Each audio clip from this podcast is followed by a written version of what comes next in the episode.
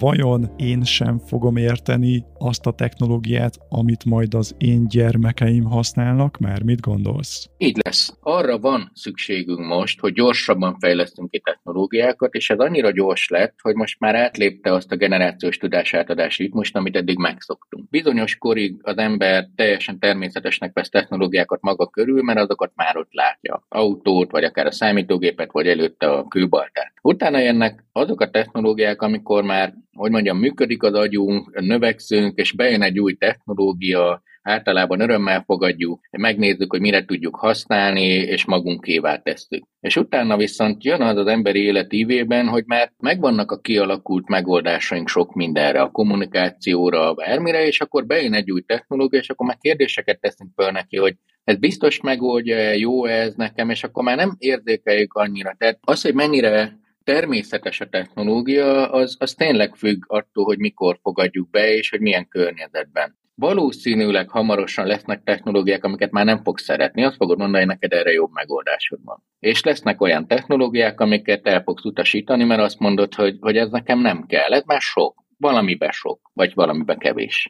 Számodra mit jelent a blokklánc, és mit gondolsz ennek a jövőbeli hatásáról a blokklánc ez tipikusan olyan technológia, ami most, hm, hogy mondjam, szexi és elterjedt, sokat beszélünk róla, de kicsit olyan, mint a Yeti, hogy nem látta senki meg, meg blokklánc alapon fejlesztek, de az mit is jelent meg? Mutas már egy blokklánc alapon működő szolgáltatás, akkor mindig eljutunk a kriptovalutákig. Egy technológiának mindig a megoldó értéke számít. Tehát az egész internet, az EMI, a blokklánc, stb. mind-mind-mind arról szól, hogy megold azt a helyzetet, amiben vagyunk, az pedig az, hogy nagyon sokan vagyunk, idegenek vagyunk és már olyan döntéseket kell hoznunk, ami a mi biológiai látóhatárunkon túl van. És ezért a digitális térnek a használata egy teljesen újfajta képességek. Ezt érezzük most, hogy megváltoztunk, millió dolgot tudnánk beszélni, a chat kultúrától kezdve az internet használaton át a, a távorvoslásig, létrejött egy digitális tér. És hát a digitális tér ez egy nagyon más, mint ami eddig volt. Megtanultuk eddig, hogy hogy kell bizalmat teremteni és elnyerni a fizikai térben. A digitális térrel az történt az elmúlt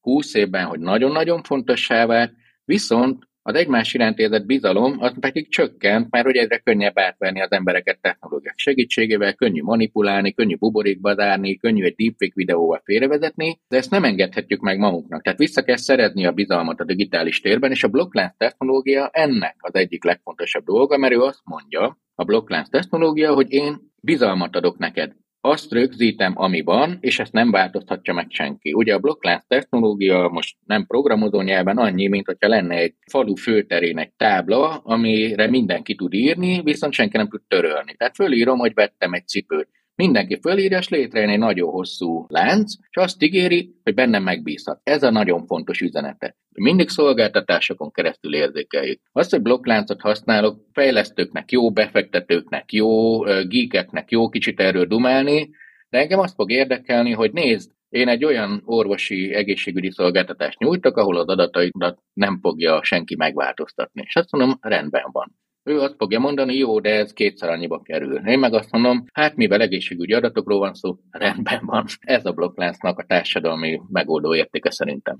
És hogyha a blokkláncnak egy felhasználását nézzük, konkrétan a kriptovalutákon belül is a központi bankok által kibocsájtott digitális pénzeket. Mondjuk én, hogyha bármilyen technológiára ránézek, akkor egyik első a megoldó érték. Ha végig gondolom a megoldó értéket, akkor meg tudom mondani, hogy lesz-e repülőautó, és ha igen, milyen célcsoport fogja használni. A másik viszont az érdektérkép, amit szoktam használni, ahol minden szereplőnek az érdekeit írom föl. Azt mondom, hogy rendben, kik vannak, akik, akik egyáltalán ezt látni fogják, vagy használni fogják. Akkor lesz igazán izgalmas a kriptók világa, most egyelőre a hit mozgatja, azt mondja, hogy nézd, van egy technológiai rendszer, ami ugyanolyan minőségű értékmérő és csereeszközt épít ki, mint ami eddig a hagyományos papírpénz volt. Ez technológia meg van oldva. Van egy kerete, pont az adja az értékét, hogy a számosság nem végtelen. Tehát most csak önmagába létezik. Amikor majd tudok fizetni a boltba vele, amikor majd a, a VB-n ezzel tudok belépni, amikor az orvosi szolgáltatások elkezdenek működni, akkor hirtelen berobban. Most mindenki erre vár. De hogy a kérdésedre visszatérve, most jön az, hogy mindenki teszteli, oké, de mit tudok megoldani vele? És az egyik az, amiben jó ez a pénz, az a bizalom, pont amiről beszéltünk. Van forintom, van digitális forint, mert a számlámon most digitális forintjaim vannak, utalva kapom a pénzt, de soha nem látom, kártyával fizetek.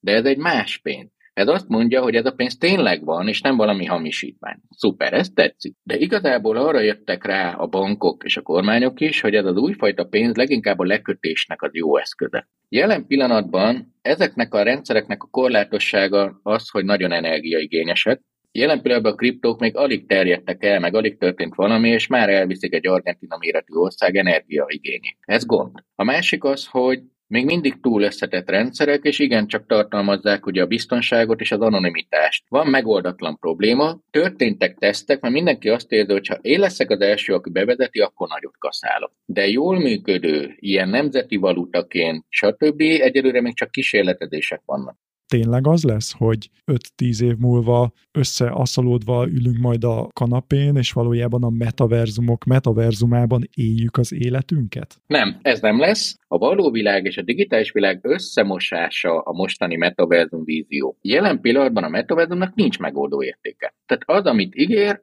az igazából megvan, kényelmesebben. Ahhoz, hogy én vegyek egy 100-150 ezer forintos szemüveget, belépjek egy környezetbe, hogy beszélgessek valakivel, már van eszközöm rá. Tehát túl nagy a belépési küszöb, ezt így hívjuk. Másrészt monoszál, és már nem szeretjük a monoszálat, csak azért belépek, hogy beszélgessek. Ugye mindig multitaskingolunk, hogy azért egy csetre ránézek, azért egy e-mailre, ami még a metaverzumban probléma ugyanúgy az energiaigény, ami előnye, hogy most már csomó adatot tudunk az emberekről. Tehát elvileg lehetséges, hogy most így körülnézek, nem tudom, viszonylag rustikus szoba, bár én nagyon szeretem, de ott nem csak egy könyves polc van hátul, hanem az összes könyvem, ami digitálisan is megvan, mert van, nem tudom, tízezer könyvem digitálisan, és ott látnám a polcon körbe a hátamnál őket, hogyha körülnézek. Nem hangzik rosszul, de nem egy átütő piaci dolog, mert ez nagyon sokba kerül ahhoz, és annyit nem fog fizetni. És ami még nekem a metaverzumokkal a bajom, hogy egyelőre teljesen ötlettelenek. Nagyon sok metaverzumban járok szinte napi szinten, de most komolyan, ugyanazok az épületek, és ugyanolyan emberek, ugyanaz a pálmafa,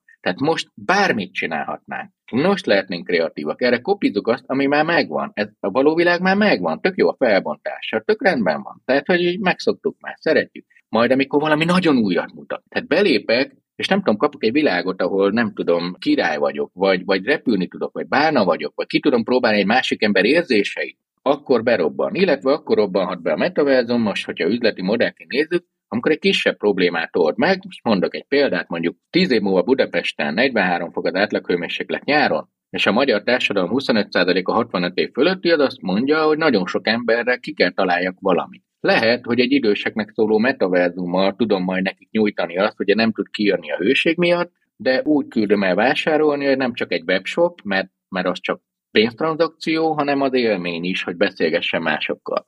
Ezt a rengeteg technológiát hogyan fogja az emberiség lefejleszteni? Azzal, hogy lefejlesztettük a mesterséges intelligenciát, gyakorlatilag a csomó programozónak elvettük a munkáját. És most jön a mesterséges intelligencia fejlesztése, amit viszont nem programkódokkal teszünk ma már, hanem viselkedésekkel, értékátadásokkal, mintázatfelismerésekkel, adatokkal. Most van a nagy tükör az emberiség előtt, hogy mi számodra fontos. Ki a jó munkaerő? Aki mindig bemegy nyolcra? Vagy aki csak 10 percet dolgozik, de egy olyan zseniális ötlete van, hogy nem tudom. Vagy aki nem dolgozik olyan jó, de mindenki boldog körülötte az irodában, mert egy jó hangulatú ember, egy közösség teremtő. Nem tudom, de ha átadom a HRMI-nek az irányítást, akkor nekem ezeket le kell kódolnom. Ahogy viselkedünk, ahogy visszajelzünk. Most rögzítjük az értékeinket. Az emit most három forrásból fejlesztjük. Az egyik az informatikai. A másik pedig, hát az egy általában fejlődő világnak kiadott rabszolgamunkák. Pöttyögik be az adatok. Szörnyű rész, de most ez megy.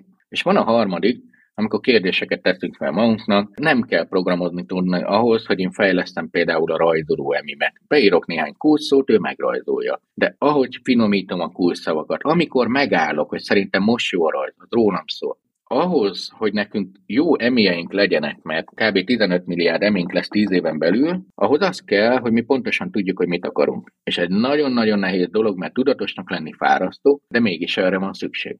Mondj most nekünk három olyan technológiát, megoldást, ami vár ránk belátható távon belül.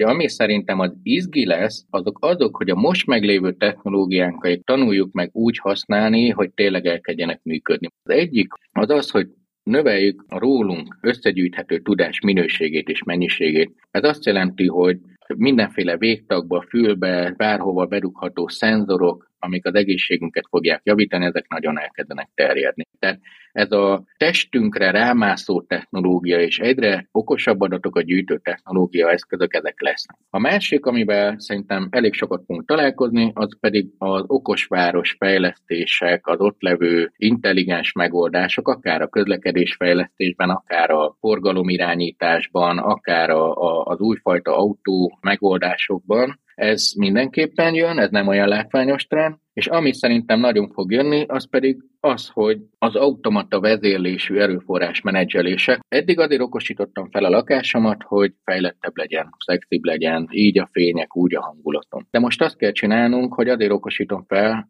hogy úgy tudjak fűteni akkor is úgy, és amikor, mint nekem kell, de hogy a fölösleget eladom a szomszédomnak, tehát létrejönnek energiaközössége. Hogyha kütjük, akkor azt mondom, hogy egy csomó intelligens szenzorunk lesz, az végtelen. Minden olyan startup fejlesztés, ami az emberek együttműködéséből egy win-win-win-win-win helyzetet hoz létre, és olyan kütyükkel fogunk egyre jobban találkozni, amik a környezetvédelmet segítik. Amit szeretnék csak mondani, hogy sokan félnek a jövőtől, de nem kell. Voltak nagyobb kihívásaink, mind megoldottuk. A jövőt mi formáljuk, és ezért szeretem a trendkutatót. Többére forgatókönyv van. Ha így csináljuk, ez lesz, ha úgy csináljuk, az lesz. De aki nem fél a jövőtől, és megérti a trendet, ami jön, az magához öleli, aki fél az ugye beszűkül a látás módja és elutasítja dolgokat. De ha nyitottak vagyunk, akkor eljövünk, hogy a következő 10-15 év a lehetőségek időszaka mindenkinek, és aki megérti a trendet, hogy na emberek együttműködése, akkor indít majd egy startupot, vagy elkezd a barátaival együttműködni, és tényleg jobb lesz az életet. Üzletileg meg azért érdekes, és azért bátorítok mindenkit ilyen üzleti vállalkozásokra, mert mert erre van most szükség, egy újfajta üzleti szellemre, egy, egy szuper win helyett egy win-win-win-winre. És aki a trendeket megérti, és sikeres üzleteket csinál, ahol nem csak ő nyer, hanem a használók is, az nekem is jó, mert akkor én is jobb világba fogok élni. Honnan gyűjtöd be ezt a rengeteg információt? Nagyon sokat olvasok. Tehát ezt úgy képzeld el, hogy napi 300-400 hír és heti 10 könyv. Nem elkerülhető, hogy forráskritika, olvasás, hatalmas mennyiségű tanulás. Akkor a másik, hogy dolgozok. Mert úgy dolgozok, hogy projektekben veszek részt, és nagyon sokat ebből tanulok. Nagyon sokan ott vesznek el, hogy kitalálnak egy jó dolgot, és akkor vagy meg se csinálják, vagy azt mondják, hogy nem értem, miért nem működik. Terepre kell menni. És a legtöbbet pedig más emberektől tanulom. Okos emberektől tanulni nagyon-nagyon jó, meg szórakoztató. Okos emberektől tanulni szerintem is nagyon jó, és szórakoztató is lehet egyben, ezért is örülök nagyon, hogy Rabárpát trendkutató a Karizma Podcast vendége volt. Ha neked is tetszett ez a Wow epizód, akkor iratkozz fel, ha még nem tetted meg, ha pedig a teljes beszélgetést meghallgatnád, akkor annak a linkjét is megtalálod a leírásban. thank you